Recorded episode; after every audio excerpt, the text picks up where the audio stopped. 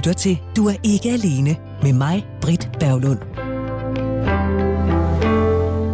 Og jeg håber ikke, du keder dig, selvom vi har talt om kedsomhed i den her øh, udgave af Du er ikke alene. Er du kommet sent ind i programmet og gået glip af Gordon Kennedys måde at tage kvæl og tag på den der kedsomhed, og gået glip på svaret øh, på om kloge mennesker keder sig. Det svar det kom fra Ejner Baldvin Baldursson, der er lektor i arbejdspsykologi ved Aalborg Universitet, og blandt andet har forsket i kedsomhed og kreativitet, jamen så skal du tage hen programmet som podcast. Det gør du der, hvor du henter dine podcasts, eller gør det på øh, Radio 4's hjemmeside, radio4.dk eller via Radio 4's app. Vi fortsætter snakken om, øh, om kedsomhed og den øh, tid, vi lever i lige nu, øh, fordi med på telefon er Rikke Schubert, der trods omstændighederne, vi lever under, hverken keder sig eller er udfordret på det gode humør. Hej Rikke. Hej Britt. Mor til to børn, der er flyttet hjemmefra. Du er single, så er du filmforsker, og så er du forfatter til flere bøger, blandt andet om, øh, om vampyrer og gys. Du, da ja. jeg talte med dig forleden dag, der kaldte du dig selv en mærkelig nørd. Er du sød og uddyb? Ja, det er jo fordi, at jeg har nogle indre verdener, øh, som vi jo måske alle sammen har.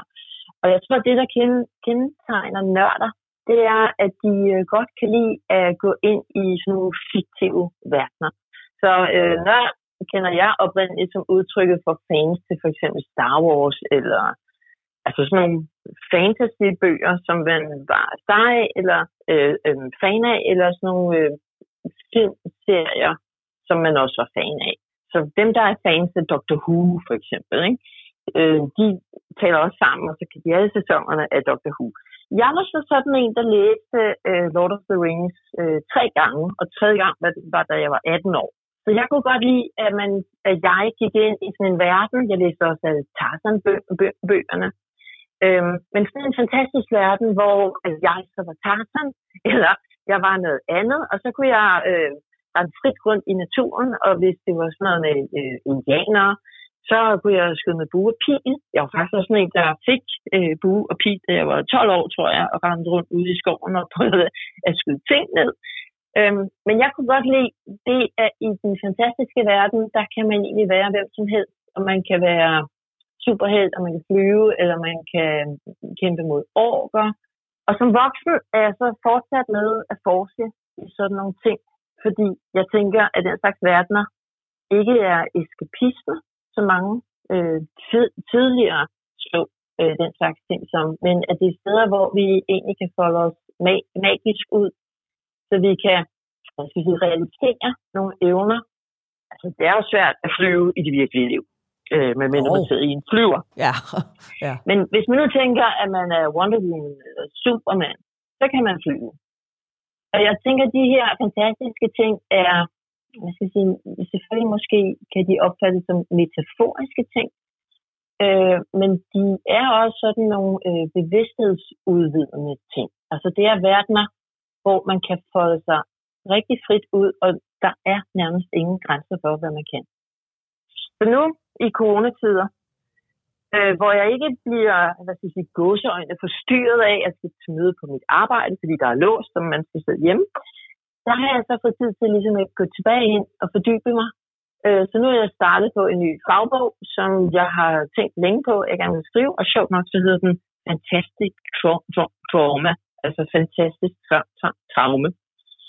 Øh, og den handler om, hvordan øh, traumer eller øh, ulykker, øh, handicap, sygdom, øh, død kan være godt, når man møder det i den fantastiske verden. Så øh, paradoxalt nok, så sidder jeg egentlig nu og forsker i den slags ulykkelige ting, der nu sker i den virkelige verden. Og det føles meget sandt.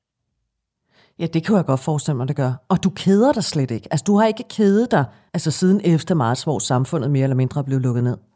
Altså, øh, og jeg tør slet ikke sige det her, fordi at det ved jeg, øh, det har min datter slæbt mig ud for.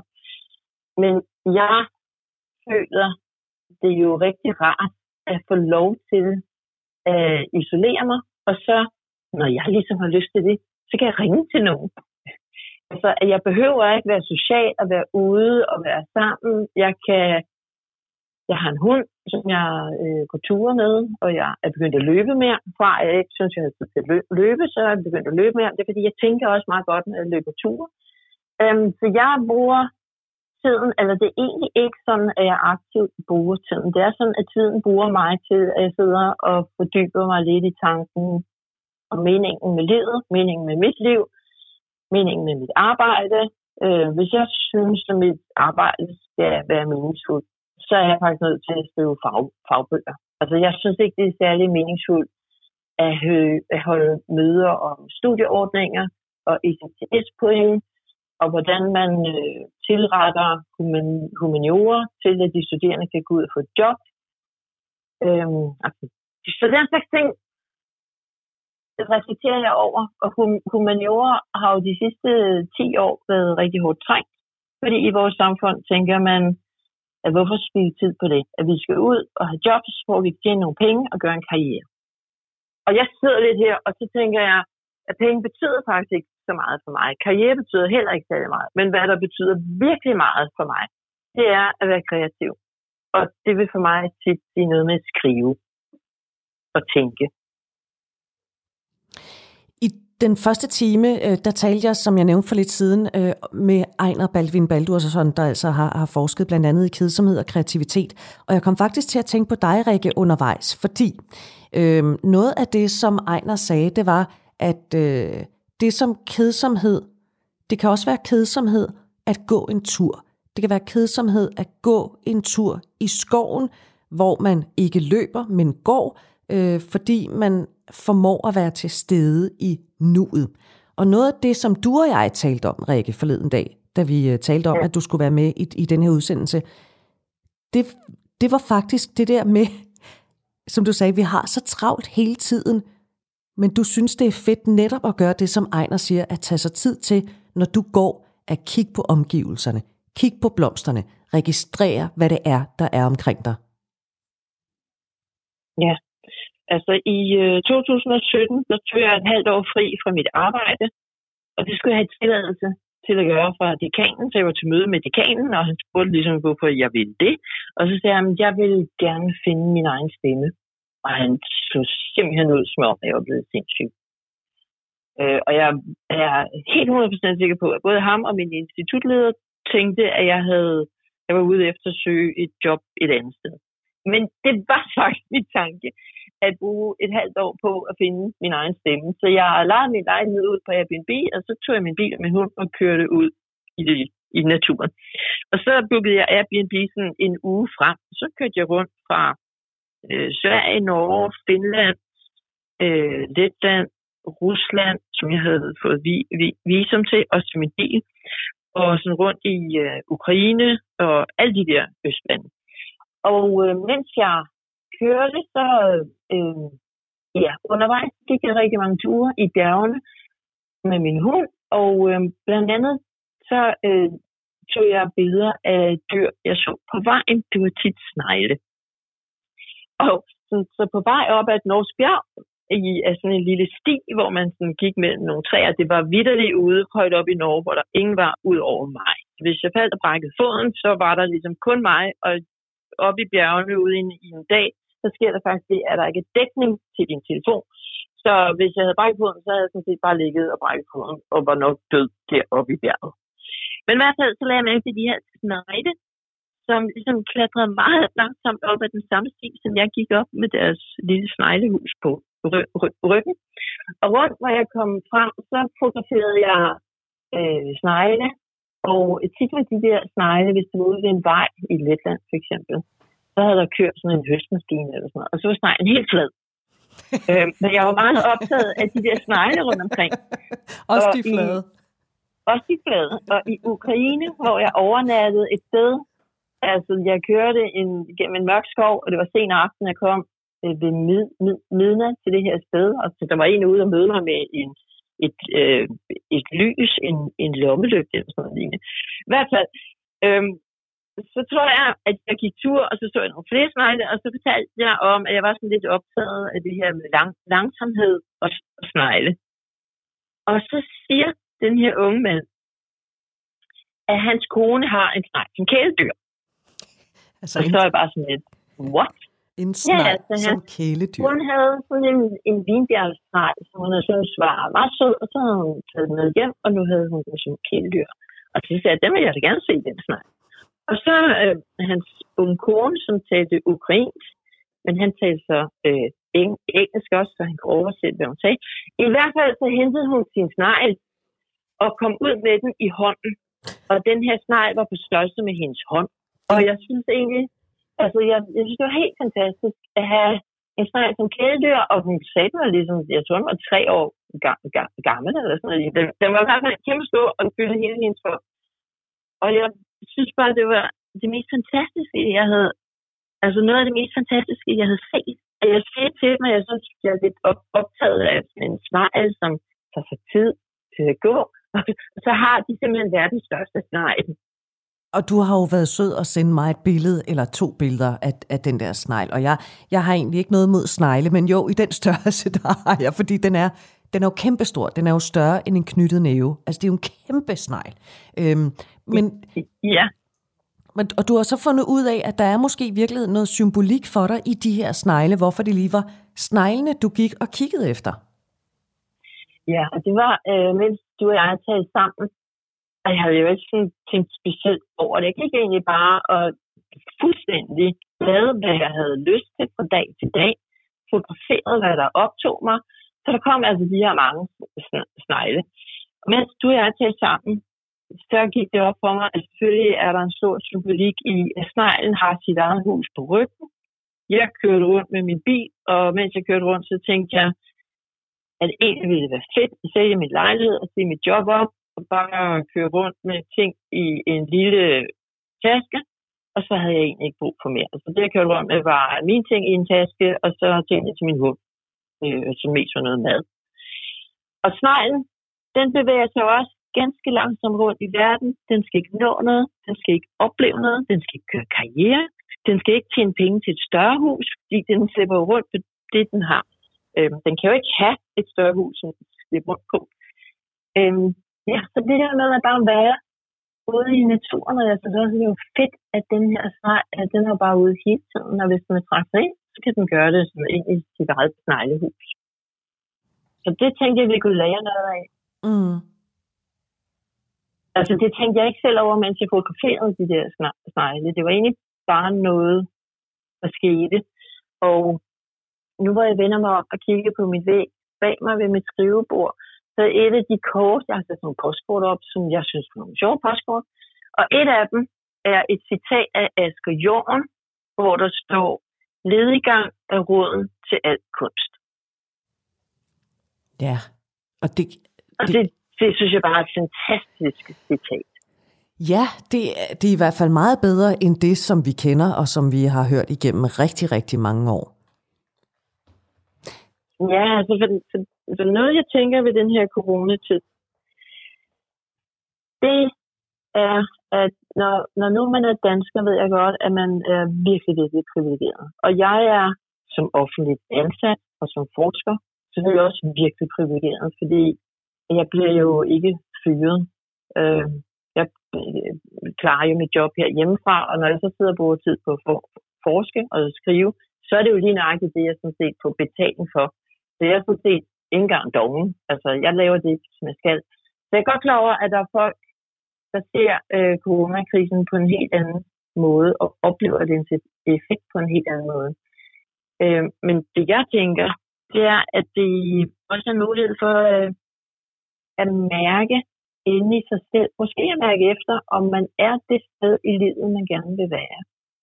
Eller om den, man, den vej, man er på, fordi vi er jo tit på en vej. Det her med, at livet er en rejse, og at man skal et sted hen, det er sådan nogle metaforer, man bruger til at tænke, hvor man er. Men dengang jeg blev skilt for nogle år siden, der kan jeg huske, at jeg oplevede det lidt, ligesom at jeg kørte på en motorvej og slam så ramte jeg ind i sådan en, en cementmur, hvor at, så stoppede vejen, og så var jeg smadret og lå der. Og ikke nok at jeg skulle samle stykkerne sammen, jeg skulle egentlig også finde ud af, hmm, meget filosofisk, hvor vil jeg gerne hen.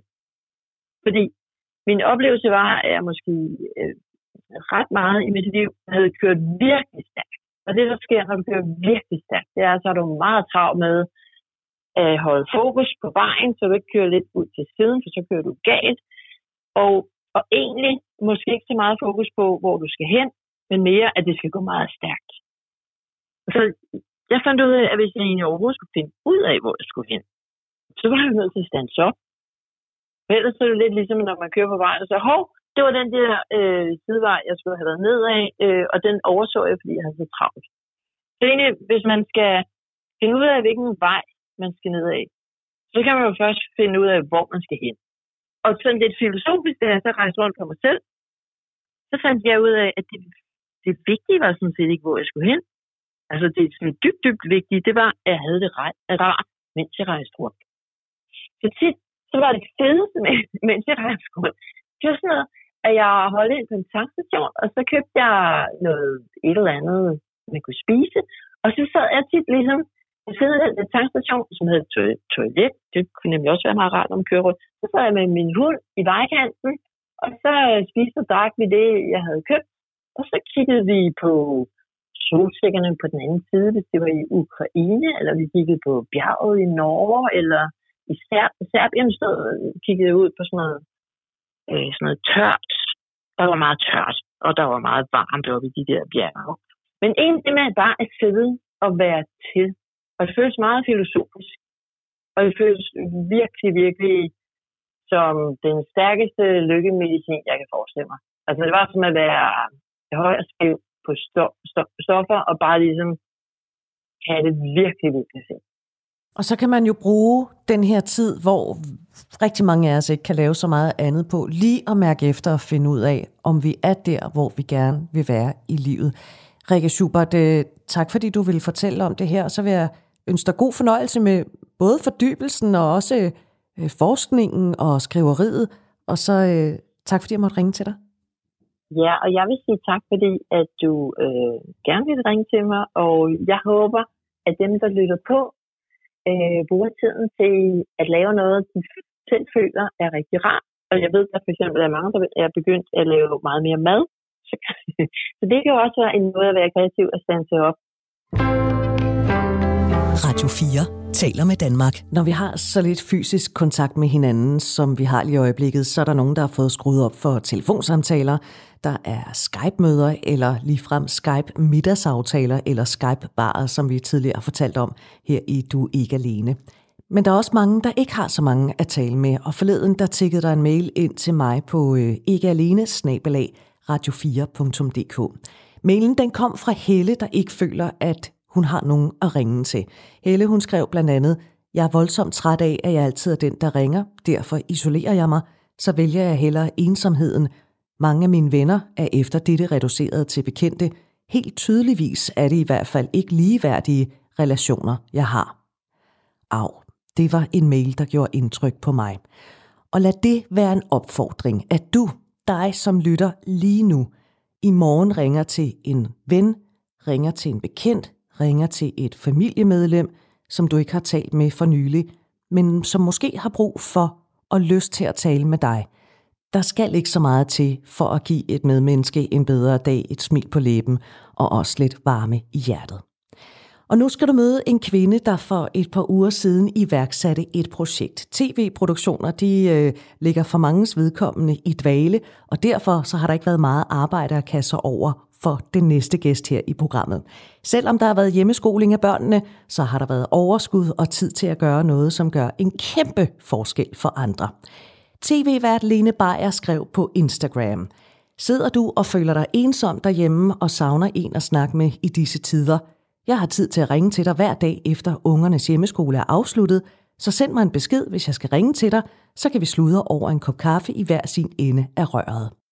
Og hvem gider ikke godt få en snak med Lene Beyer, den altid smilende populære tv-vært, der blandt mange værtsjob har hjulpet landmænd med at finde kærligheden på TV2, og i øvrigt også har stået i spidsen for et hav af andre programmer på både TV2 og TV2 Fri. Det er der rigtig mange, der godt gider. Det gør jeg også. Og det har jeg heldigvis mulighed for nu. Lene Beyer, velkommen i Du er ikke alene. Tak skal du have, tak skal du have, og tak for den øh, meget, meget flotte præsentation. Jamen altså, du er jo sådan et menneske, man godt gider at snakke med. Og jeg er jo, øh, jeg er jo helt på måsen over, at, øh, at jeg får lov til at drikke en kop kaffe med dig nu her i telefonen. Ja, en telefonkop kaffe. Lige præcis. Dengang du slog det her opslag op på, på Instagram, der slog du ud med armene og sagde, skriv til mig, så ringer jeg. Hvorfor gjorde ja. du det? Jamen altså, det gjorde jeg egentlig af flere grunde. Altså, jeg har, øh, jeg har gået og spekuleret over, hvordan jeg kunne bidrage i den her coronatid. Fordi jeg synes, at hvis man, hvis man har noget øh, overskud til at bidrage, synes jeg, at, øh, at man skal prøve at gøre det. Øh, og så har jeg gået og spekuleret over, hvad filen kan jeg bidrage med. Og øh, jeg kan virkelig, virkelig, virkelig godt lide at tale med mennesker. Øh, og specielt alle mulige forskellige mennesker. Jeg kan godt lide at tale med nogle mennesker, hvor jeg ikke ved noget om, om deres liv, og hvad der får deres liv til at dreje rundt, og, og, og hvad der gør dem glade, og hvad der gør dem ked af det. Øhm, og så tænkte jeg, at at drikke kaffe og tale med mennesker, det er det, jeg kan bidrage med. Og hvis der er nogen, der har lyst til at tale med mig, så vil jeg gerne ringe dem op. Så, så det kom derfra. Og der er jo rigtig mange, der gerne vil tale med dig. Hvor mange har indtil videre øh, kontaktet dig for at få et opkald? Vil du skyde på? Jamen, øh, altså jeg, da jeg sluttede op, så vidste jeg jo ikke, om der ville være et behov, og jeg anede heller ikke, om folk ville gide at tale med mig, fordi at jeg er jo bare et tv-vært, og det, det kunne godt være, at folk tænkte, okay, hvad skal jeg tale med hende om? Øhm, men jeg blev øh, ret hurtigt bombarderet med beskeder, vil jeg sige.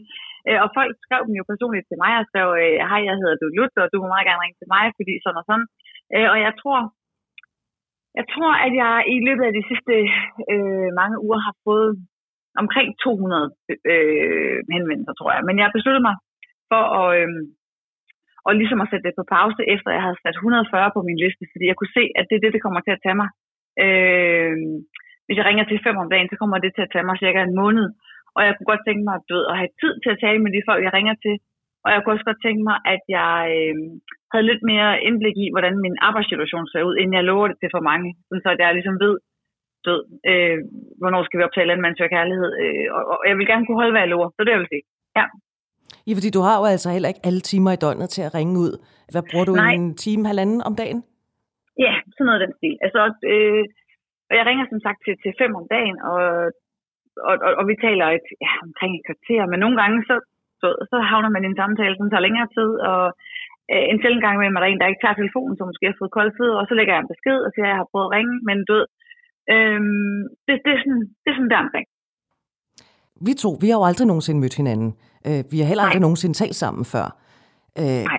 Det er rimelig klart, hvad vi skal tale om nu, nemlig det her med, at du ringer til mennesker, der kan føle sig ensomme og kan mangle nogen at tale med. Det er sådan rimelig nemt at gå til det her emne, vi er i gang med. Line ja. Beyer, hvad taler man om, når man ikke kender hinanden? Jamen, man taler om alt muligt, og det, det, det gode og det nemme med den her situation er jo, at det er jo folk, som følger mig på Instagram. Det vil sige, at de kender jo godt mig.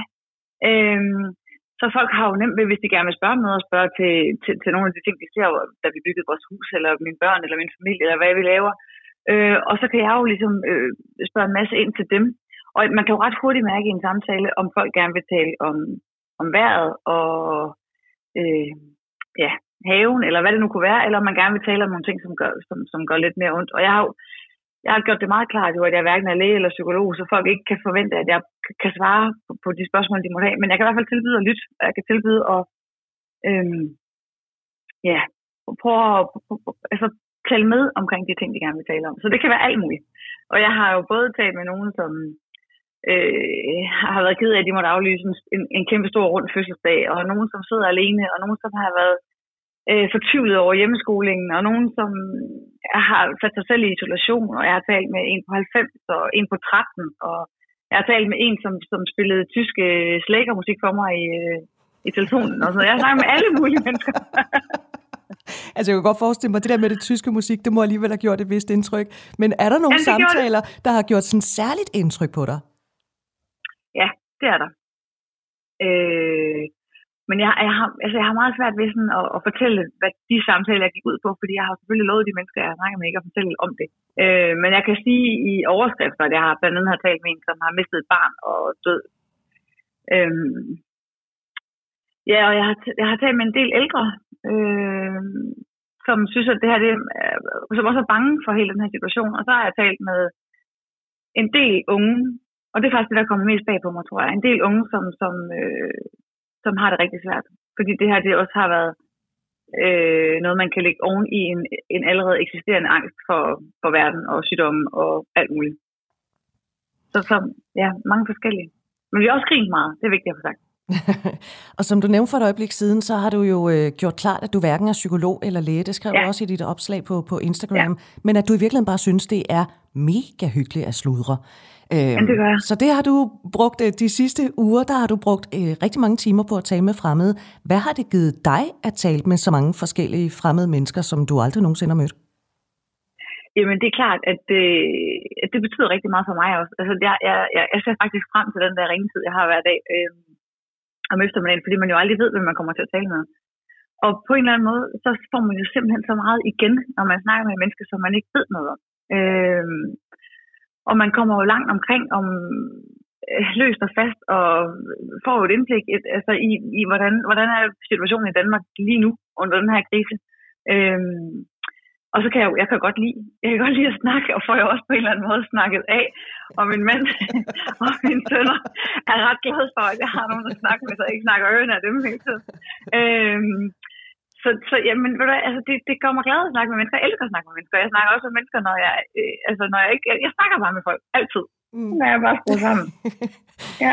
Lige før jeg bød velkommen til dig her i programmet, der læste jeg op af en mail, som jeg har fået fra Helle, der er fastlytter af programmet her. Og Helle, hun skrev, at hun er ked af, at hun altid skal være den, der ringer til andre. Så derfor ja. så øh, isolerer hun sig hellere og vælger ensomheden til. Øh, og det var sgu ja. en mail, der gjorde lidt ondt i hjertet på mig. Er det et billede, det her med, at... Øh, altså, kan du genkende det her billede med, fra nogle af de kaffesnakke, du har haft med andre på telefon de sidste par uger, at det er måske bare skidesvært, når folk ikke selv rækker ud til en? Ja, det kan jeg godt. Og fordi at, øh, at den her ændrede situation, øh, jeg, jeg tror, at mange folk tænker, at men jeg skal heller ikke forstyrre, fordi de, de passer jo også sig selv, og de har jo også, og de, de skal jo ikke føle, at de skal tage sig af mig. Og du, jeg tror, der er sådan mange, måske lidt misforstået hensyn, fordi vi ikke er vant til den her situation. Øh, og, og, og jamen, jeg, jeg snakker både med folk, som, som slet ikke taler med nogen, fordi de ikke rigtig ved, hvem de skal ringe til. De ved heller ikke rigtig, hvad de skal sige, fordi de laver jo ikke noget. Så hvad skal man egentlig sige i den telefon, man laver, når man ikke laver noget?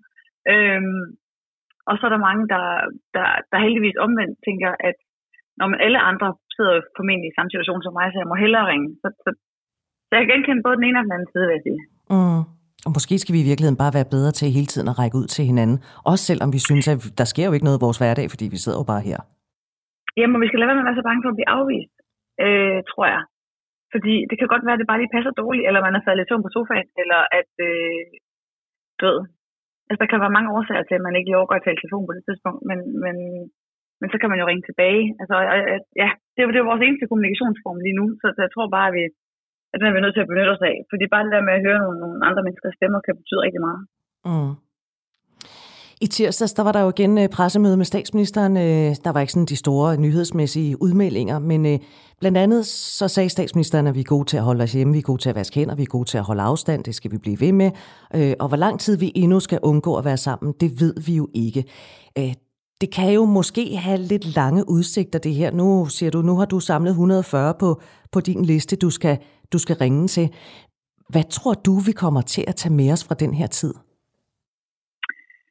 Jamen altså, øh, på den positive side, så tror jeg, at vi øh, kommer til at sætte pris på en lang række ting, som vi måske tog for givet før. Øhm, altså, jeg, bare for at tage mine egne børn, altså, de, at kunne gå i skole og gå til fritidsinteresser er jo noget, som de aldrig nogensinde før har tænkt over, at det var en, en luksus i hverdagen. Øh, og vi andre, jeg tror, vi kommer til, til at sætte rigtig stor pris på, på, på de mennesker, som, som, som, vi, som betyder noget for os, fordi vi har virkelig kunne mærke, at de ikke har været øh, tæt på os i den her periode. Og så savner vi bare alle sammen øh, kropskontakt, tror jeg. Tror jeg. Altså øh, at give folk et kram og et håndtryk, som har været en naturlig ting før. Øhm, men, men på den negative side, så, så tror jeg, at der går lang tid før, at vi øh, altså er lige så afslappet, når vi, når vi omgås hinanden, som, som vi plejede at være. Og, og jeg tror, der går lang tid før, før den her frygt øh, påtager sig igen. Desværre. Mm. Det er sådan en tid, vi virkelig skal prøve at fagne med noget kærlighed og finde det positive i. Ja, det tænker jeg. Altså, det, det er vi jo næsten nødt til. Vi kan ikke gøre så meget andet. Det er jo ikke, det er jo ikke et vilkår, vi selv har besluttet. Mm. Øhm, men det er forhåbentlig, forhåbentlig kan det forberede os på, at hvis noget lignende skulle ske en anden gang, at vi så ja, ved, hvad vi skal gøre. Og du gør i hvert fald dit for mennesker, som øh, måske ikke har så mange at tale med, eller kan føle sig lidt ensomme i hverdagen. 140 på listen. Jeg er imponeret over dit projekt. Og Lene Beyer, øh, jeg vil bare sige tak, fordi du vil drikke en kop kaffe med mig over telefonen. Jamen, altså. skål, skål i telefonkaffe. og tusind tak for snakken. Ja, velbekomme, velbekomme. Du lytter til Radio 4. Det er præcis det, du gør. Og lad mig lige erindre dig om uh, mailadressen. Hvis nu du sidder og har nogle kommentarer til noget af det, du har hørt om, eller om du har tanker om, at du godt kunne tænke dig at deltage i programmet. Vi har jo altså den kommende tid, der skal vi både tale om øh, økonomi. Øh, skal man være bekymret for sin økonomi nu, hvor at øh, corona gør så stort indhug, indhug også i nationaløkonomien, og hvordan med din egen økonomi. Det skal vi tale om. Vi skal også tale om vaner, gode og dårlige vaner, måske øh, nye vaner, der er kommet til her under coronatiden, eller har du lyst til at tale om dating og fordomme, så send mig en mail på ikkealene radio4.dk. Og så tilbage til emnet i det her program, fordi hvis du nu skulle have øjeblikke, hvor du keder dig eller mangler et projekt at kaste over i de her dage, hvor du måske alligevel sidder derhjemme, så kan du faktisk være med til at skrive Danmarks historie. Det lyder lidt højdragende, men den er sgu god nok. Du kan være med til at skrive Danmarks historie. Der er nemlig flere af de danske museer og øh, stadsarkiver, der samler materiale ind fra hverdagene her i øh, coronatiden. Et af dem, det er Nationalmuseet, der indsamler effekter og fortællinger i det projekt, der hedder Dage med Corona. Og Christian Sune Pedersen er forskningschef for afdelingen Nyere Tid og Verdenskultur hos Nationalmuseet. Velkommen til Du er ikke alene. Tak skal du have.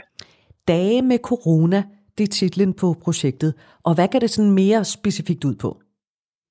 Jamen altså, det er jo en opfordring til danskere om at øh, beskrive deres oplevelser her under øh, coronaepidemien, pandemien. Øhm, og det vi er interesseret i, det er jo øh, hverdagslivet, øh, som er jo blevet til noget helt andet lige pludselig, end det plejede at være.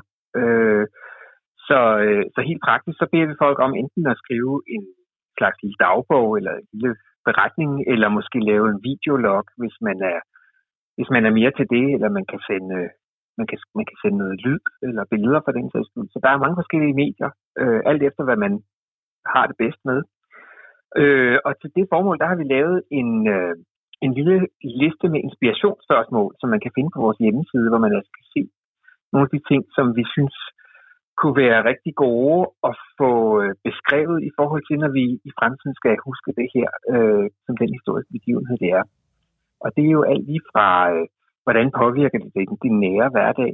Nogle folk har siddet og sidder hjemme øh, med hjemmeundervisning og en hel familie på pludselig få kvadratmeter, føles det måske som om øh, andre sidder og er alene øh, og, og måske føler sig meget alene. Øh, så spørger vi også noget omkring øh, det offentlige rum. Hvordan er det med det? Hvordan er det at færdes? Øh, hvordan oplever man myndighedernes øh, retningslinjer? Hvad har, hvordan har man det med at følge det? Øh, hvad synes man det, om, om den måde, de andre opfører sig på? Så øh, og, så, og, så, øh, og så er der selvfølgelig også spørgsmål om fællesskaberne. Det er jo noget, der virkelig er blevet talt og skrevet meget om. Altså de her nye måder, vi laver fællesskaber på og nedlukning, hvor vi skal stå sammen om at holde afstand nogle gør det digitalt. Der er blevet webmiddag øh, eller fællesang fra italiener, eller hvad der nu kan være. Øhm, og så spørger vi også øh, så lidt mere konkret til, hvordan, øh, hvordan man oplever selve det, at der er en pandemi. Hvad er bekymringerne? Har man eventuelt været syg, eller øh, sat i karantæne? Har man øh, familiemedlemmer, der er syge osv.? Hvad, hvad er ens tanker om det? Og så endelig øh, tankerne om den store sammenhæng, altså øh, hvad der optager os øh, af, af bekymringer for fremtiden. Hvad kan det her føre til på længere sigt? Hvordan, hvordan vil vores fremtid se ud, også efter at coronaen forhåbentlig er løjet af? Øhm, så, øh, så det er sådan en meget bred, øh, bred beretning, vi beder danskerne om at give. Og umiddelbart, der tænker jeg jo den der hverdag, ikke?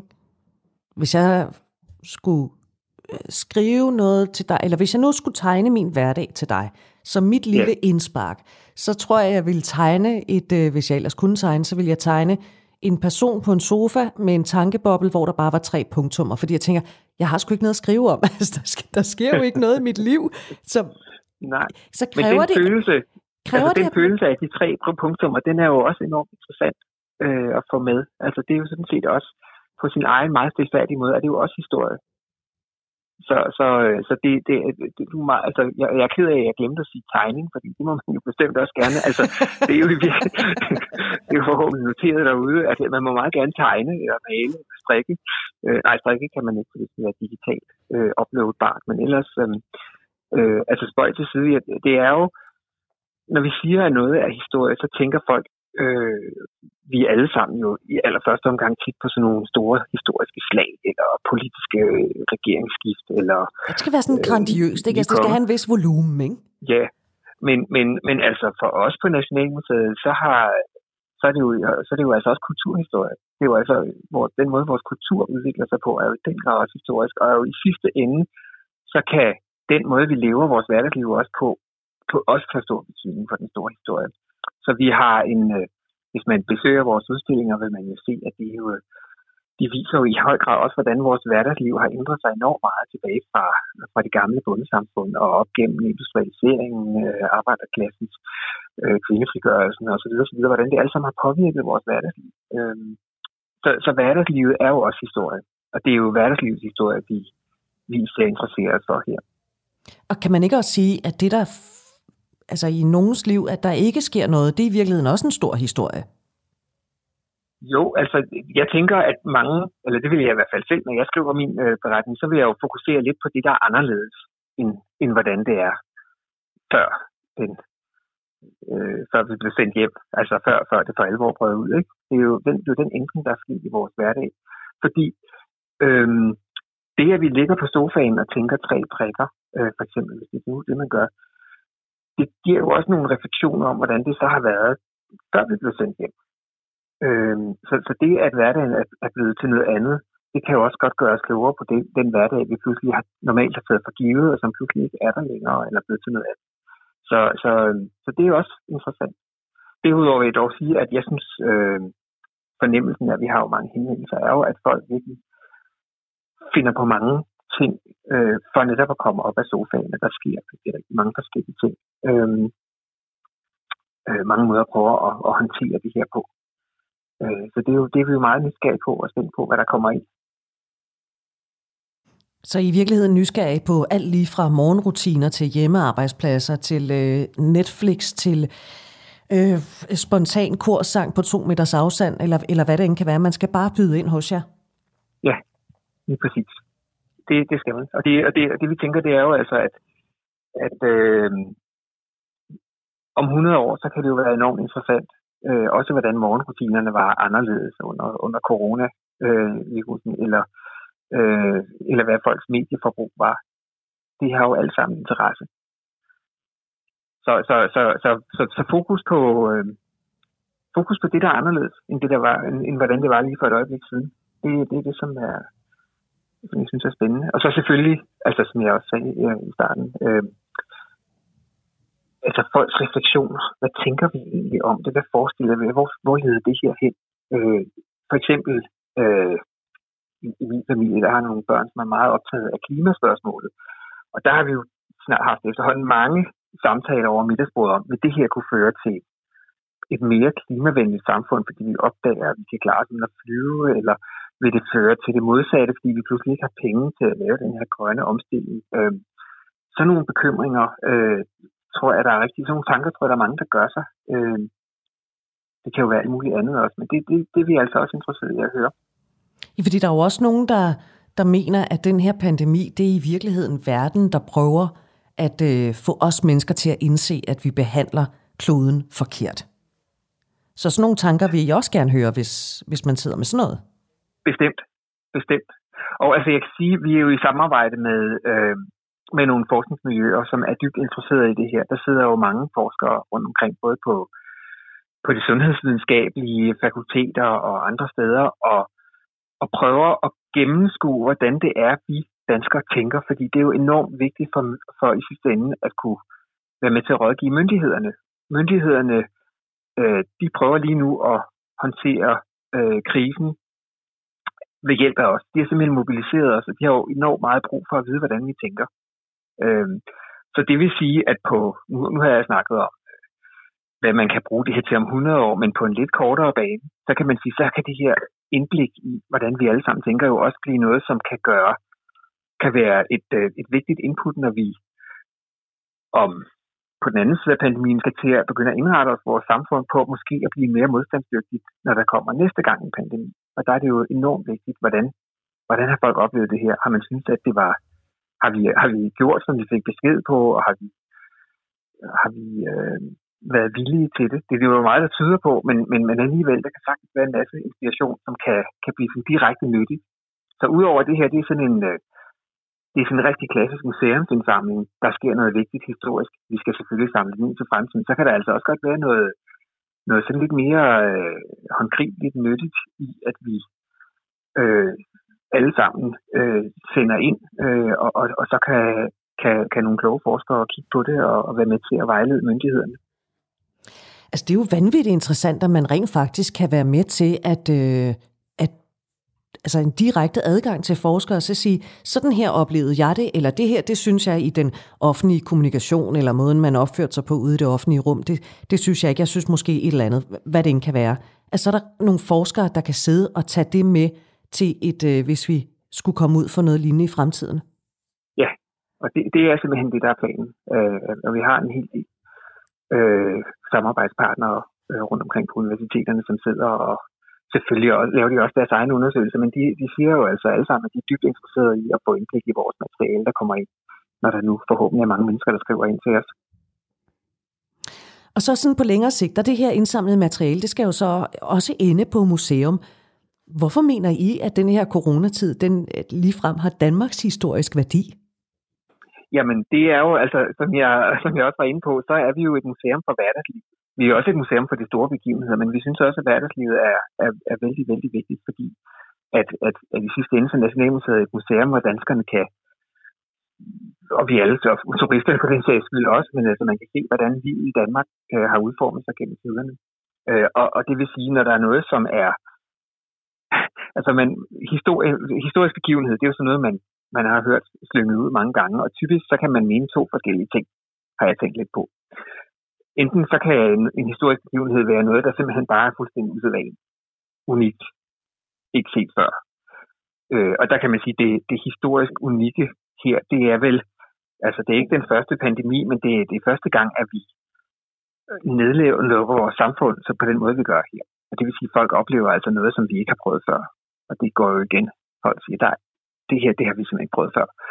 Øh, og den anden øh, betydning, som vi nogle gange kan lægge i ordene historisk begivenhed, det kan jo være et eller andet, der ændrer på vores verden. Øh, og det er jo, øh, og det kan man jo spekulere lidt på, øh, om der kan være nogle ændringer. Jeg, jeg, jeg synes, jeg er blevet mærke i, at øh, den amerikanske øh, præsidents øh, rådgiver, øh, Forsi, øh, eller hvordan det nu udtales, han, han, han, har, han havde udtalt på et tidspunkt, at jeg vidste, om vi nogensinde kommer til at give hånd igen, eller om man vil gå væk fra det her håndtryk i fremtiden. Øh, mere realistisk er måske, at vi vil øh, opbygge nogle andre typer beredskaber, men det er jo enormt interessant. Altså den her oplevelse, vi har nu, er at have behov for større fysisk afstand. Vil, vil det give noget varigt på en eller anden måde i vores måde at være sammen på?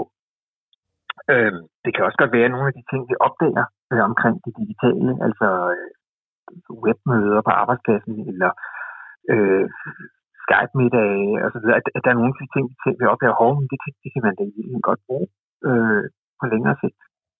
Så, så, så, så vi, altså, jeg vil da sige som historiker, jeg, jeg, jeg, jeg kan da godt se det her som en historisk begivenhed på begge måder. Jeg kunne sagtens forestille mig, at der kom nogle mere varige øh, ændringer af vores samfund, øh, som, som øh, altså ting, der ligesom bliver siddende, når vi er på den anden side af selve epidemien. Det er sådan meget, meget fascinerende tanker, det her. Jeg kan, øh, hvis jeg tænker på, lad os sige en 15-16 år i dag, ikke? der måske om øh, 60-70 år sidder med børnebørn og oldebørn der ved foden af gyngestolen og så sidder de små og kigger med store runde øjne op på oldemor eller oldefar, der fortæller, der var en gang, hvor vi gav hånd. Der var en gang, hvor vi krammede andre mennesker. Fordi det er jo ja. rigtigt, vi aner jo ikke, hvad der kommer ud af det her. Og det kan jo godt være, at der, fordi man nu har oplevet, hvad der er, der kan ske, at der bliver en enorm forskrækkelse ved at give hånd, ikke? Ja. I hvert fald, så, så kan man jo sige, på en lang bane, der er vi jo øh, en, øh, lever vi jo på en planet, hvor, øh, hvor, hvor befolkningstallet stiger og stiger og stiger, og alle fremskrivninger siger, at det vil det blive ved med, vi bliver flere og flere. Øhm, og, og altså, det, det er jo oplagt, at, at det her kan komme til at gentage sig øh, med pandemier. Øh, fordi vi er tættere, vi er flere, vi handler mere med hinanden, vi rejser mere.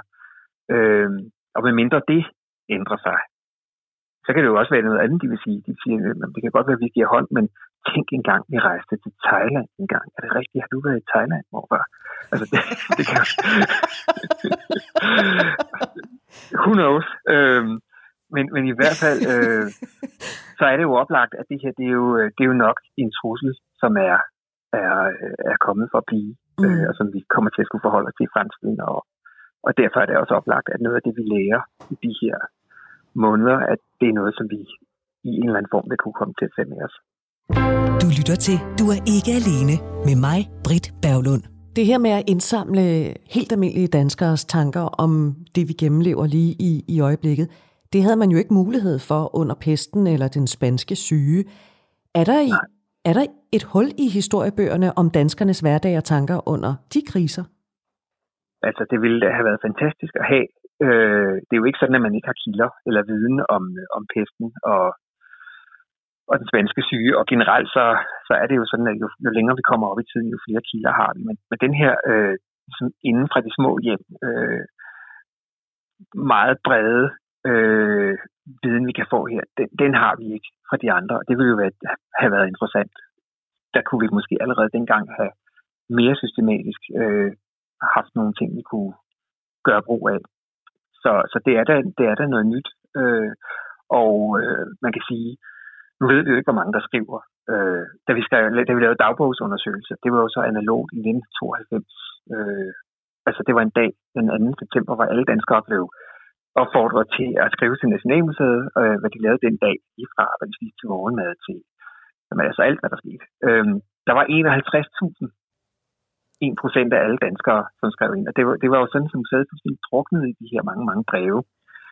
Øhm, der har vi jo allerede i dag i forhold til, til 1992 øh, nogle andre muligheder i kraft af, af det digitale, som gør, at vi kan lave nogle andre øh, mere systematiske søgninger gennem et stort materiale. Øh, og det er jo også øh, spændende, at man kan gøre det.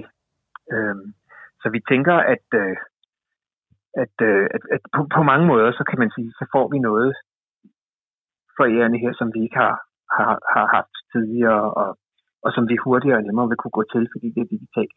Det er sådan, at selv øh, videoer, øh, har jeg lige lært, selv videoklip, øh, der har man faktisk øh, sådan en form for maskinlæsning, som kan uddrage talen og, og få det gjort om til tekst, som man så kan søge i. Så det er jo ret, det er jo ret mange ting, man kan gøre. Øh, så, så, så altså, der, der, der, er, der er helt klart øh, der er helt klart nogle nye muligheder i det her. Når nu I så har indsamlet materialer, nu, altså undskyld, jeg stiller de dumme spørgsmål, men det er fordi, de, de øh, ligger simpelthen lige på tungen og, og brænder for at komme afsted. Øhm, er det så sådan, at I kommer til at lave en form for udstilling her, øh, i denne her tid? Altså jeg mener ikke lige nu, men inden for de næste par år. Eller er det noget, hvor I siger, men nu har vi samlet, og så er det så nogen ude i fremtiden, måske om 30 år eller om 40 år, der kommer til at lave en udstilling. Fordi os, der ligesom måske kommer med bidrag nu, eller har prøvet at leve her, vi ved jo godt, hvordan det var. Det her er et godt spørgsmål, som vi har diskuteret lidt, og, og det, lige nu er vi faktisk ikke helt klar over det. Det kommer lidt an på stemningen, fordi det kan jo godt være, når vi får lukket op, igen for vores samfund, så har, vi, så har vi brug for at se alt andet end en udstilling om corona. Øh, at vi har brug for at, at, at se øh, udstillinger om øh, Genghis Khan og Steppens nomader, eller altså nogle helt andre ting. Ikke? Det, det er sådan, noget, Fri os for corona. ja, altså det jeg kan sige, øh, det er, at vi har øh, vi har jo en, en udstilling, som vi øh, har måttet sætte lidt på pause, men som vi jo vil åbne når, hurtigst muligt, når vi, har, når vi åbner museet i det hele taget, som hedder En skat til Danmark, som er baseret på det her, den her tv-udsendelse øh, på TV2, hvor, hvor almindelige borgere kunne komme og tilbyde øh, genstande, som, som museet så kunne låne til en udstilling. Og, øh, og der har vi lige lavet en lille udvidelse, hvor vi har bedt folk om at foreslå nogle corona-relaterede genstande. Så der kommer altså en, en, en ting med, som har med corona at gøre i den her udstilling, der handler om Danmark i de sidste 100 år. Øh, men det er ikke noget, vi indsamler nødvendigvis til, til om 30 eller om 100 år. Så det vi gør, det er jo, at vi... Øh, og vi, vi synes egentlig heller ikke, at vi kan gå ud i det fysiske rum nu. Vi er jo blevet sendt hjem, og vi skal jo ikke, vi skal jo være gode rollemodeller som, som statsansatte. Så vi tænker ikke, at vi vil gå ud og begynde at samle folk til EU. Men vi vil øh, til efteråret, når vi kan se, øh, hvad folk har skrevet, øh, eller videologget, eller hvad de nu har gjort, så kan vi jo få en masse inspiration af det, og så vil vi lave en, en samling af fysiske museumsgenstande, og så vil vi lige finde ud af, hvad vi gør. Og øh, det kunne også være, at vi vil opdatere et afsnit i den, i den faste udstilling, så det ligesom blev en permanent del af Danmarks historie, at, at man lige fik, fik fortalt den her historie med. Men altså, som sagt, det er et rigtig godt spørgsmål. Hvad, hvad, hvad vil vi have lyst til at gå på museum for at se, når vi åbner op igen? Og der, og der er jo ingen tvivl om, altså det er jo en vild tid, vi lever i. Altså hvis man tænker på alle de ting, der er blevet øh, udskudt. Altså bare EM i fodbold. Hvem havde forestillet sig, at EM i fodbold ville blive udskudt et år, at OL ikke ville blive afviklet?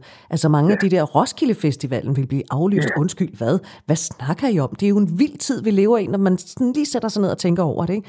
Og det er altså ja. de tanker, som I gerne vil have. Vi blandt andet også gør os nogle tanker om, og så bidrager med. Sig mig lige ja. en gang, hvis nu jeg sidder her og tænker, nu gør jeg sgu alvor ud af den der tegning af mig på sofaen med de tre prikker. Jeg har lyst til at bidrage med det her. Christian ja. Sune Pedersen, hvordan kan jeg komme til at bidrage til jeres projekt, og hvordan kan alle andre? Så, så laver du din tegning, eller skriver din historie, og øh, får den fotograferet eller scannet, og så øh, går du ind på vores hjemmeside, øh, under den side, der hedder Dage med Corona. Og der vil ligge et modul, hvor du kan uploade den. Du skal lige gøre det, at du, det, du vil blive bedt om, øh, og give nogle oplysninger om dig selv. Du har mulighed for at være anonym, men øh, museet vil gerne vide lidt omkring øh, din...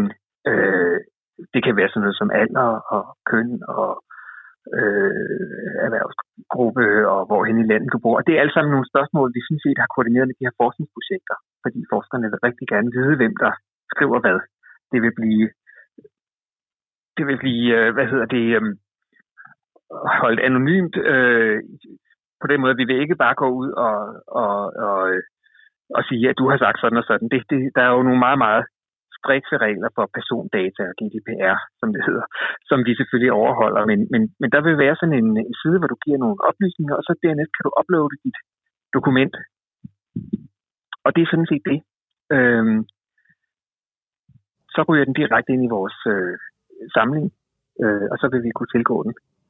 Og så vil man dermed være med til at give et lille bidrag til Danmarks historien. Og hvem gider ja. godt det? Hvem gider? Jeg gider i hvert fald godt. Jeg, jeg tror, jeg skal øve mig lidt i at tegne. Christian, så får du altså en tegning fra mig. Jamen det vil jeg glæde mig til. Jeg vil faktisk sidde og vente spændt på den der tegning. Jeg kan næsten se den for mig, men uh, det vil jeg glæde mig til. Det kan du ikke, fordi jeg kan ikke tegne, men det kan være, den bliver sådan lidt... Uh... Nå, never mind. Christian Sune Pedersen, forskningschef uh, for afdelingen Nyere Tid og Verdenskultur hos Nationalmuseet. Tak fordi du ville fortælle om, uh, om jeres projekt her, Dage med Corona, så håber I får rigtig mange bidrag. Selv tak. Du lytter til Radio 4. Og så er vi ved at være ved vejs ende af denne udgave, at du ikke er alene. Og lad mig lige gentage, hvis du har lyst til at bidrage til Nationalmuseets indsamling, så kan du altså hoppe ind på Nationalmuseets hjemmeside og så se, hvordan du gør. Jeg har nævnt det et par gange, men øh, lad mig lige indskyde mailadressen. Den er ikke alene snabelagradio4.dk. Mailboksen er åben for dine bidrag. Det kan være, at du har lyst til at tale med om øh, noget, vi skal tale om i en af de kommende udsendelser. Vi skal blandt andet tale om økonomi. Er du øh, bekymret for din økonomi på baggrund af coronakrisen her? Eller Er du bekymret for landets økonomi, ja, så er du altså velkommen til at skrive dine tanker og eventuelle spørgsmål til ikke alene radio4.dk. Vi skal også tale om vaner, om ændrede vaner, om de vaner, vi har tillært os her i denne tid. Vil de forsvinde, når vi på et tidspunkt er ude på den anden side? Det skal vi prøve at få opklaret. Og endelig, så skal vi altså også lave et program om dating, dating og fordomme. Og har du noget at bidrage med der, måske har du selv lyst til at tale med, så send mig en mail ikke alene, snabelag radio4.dk. Tak for denne gang. Programmet er produceret af Pibesource Productions for Radio 4.